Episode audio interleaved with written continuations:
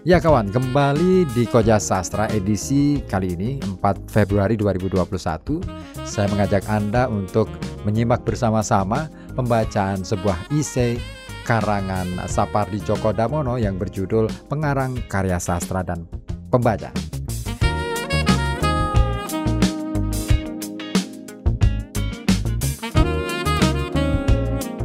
Baik, kita akan bareng-bareng uh, saya akan perdengarkan pada Anda bagaimana isainya.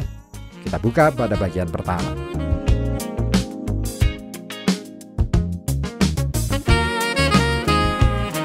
Ya, kebanyakan pembicaraan mengenai telaah sastra diawali dengan usaha untuk menjelaskan pengertian sastra itu apa. Karangan ini pun tidak menyimpang dari kebiasaan tersebut. Usaha ini penting sebab kita harus mengetahui apa yang kita telah.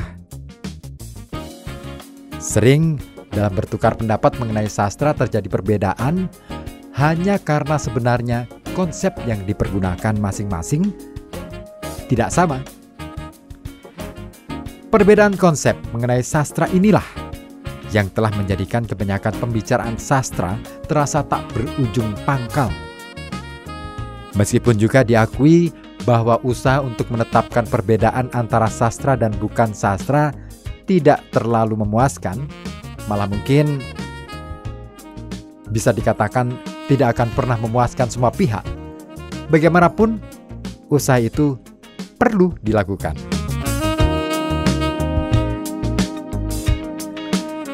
Dalam karangan ini, saya memusatkan perhatian pada sastra tulis Meskipun dalam kenyataannya, sastra lisan merupakan bahan yang tidak kalah pentingnya untuk ditelaah. Terutama di negeri yang hasanah sastra tulisnya sangat beragam seperti negeri kita ini. Dalam pengertian lama, sastra bisa dibicarakan berdasarkan dua hal. Isi, yakni yang terkandung di dalamnya, dan bentuk, yakni cara menyampaikan kandungan itu.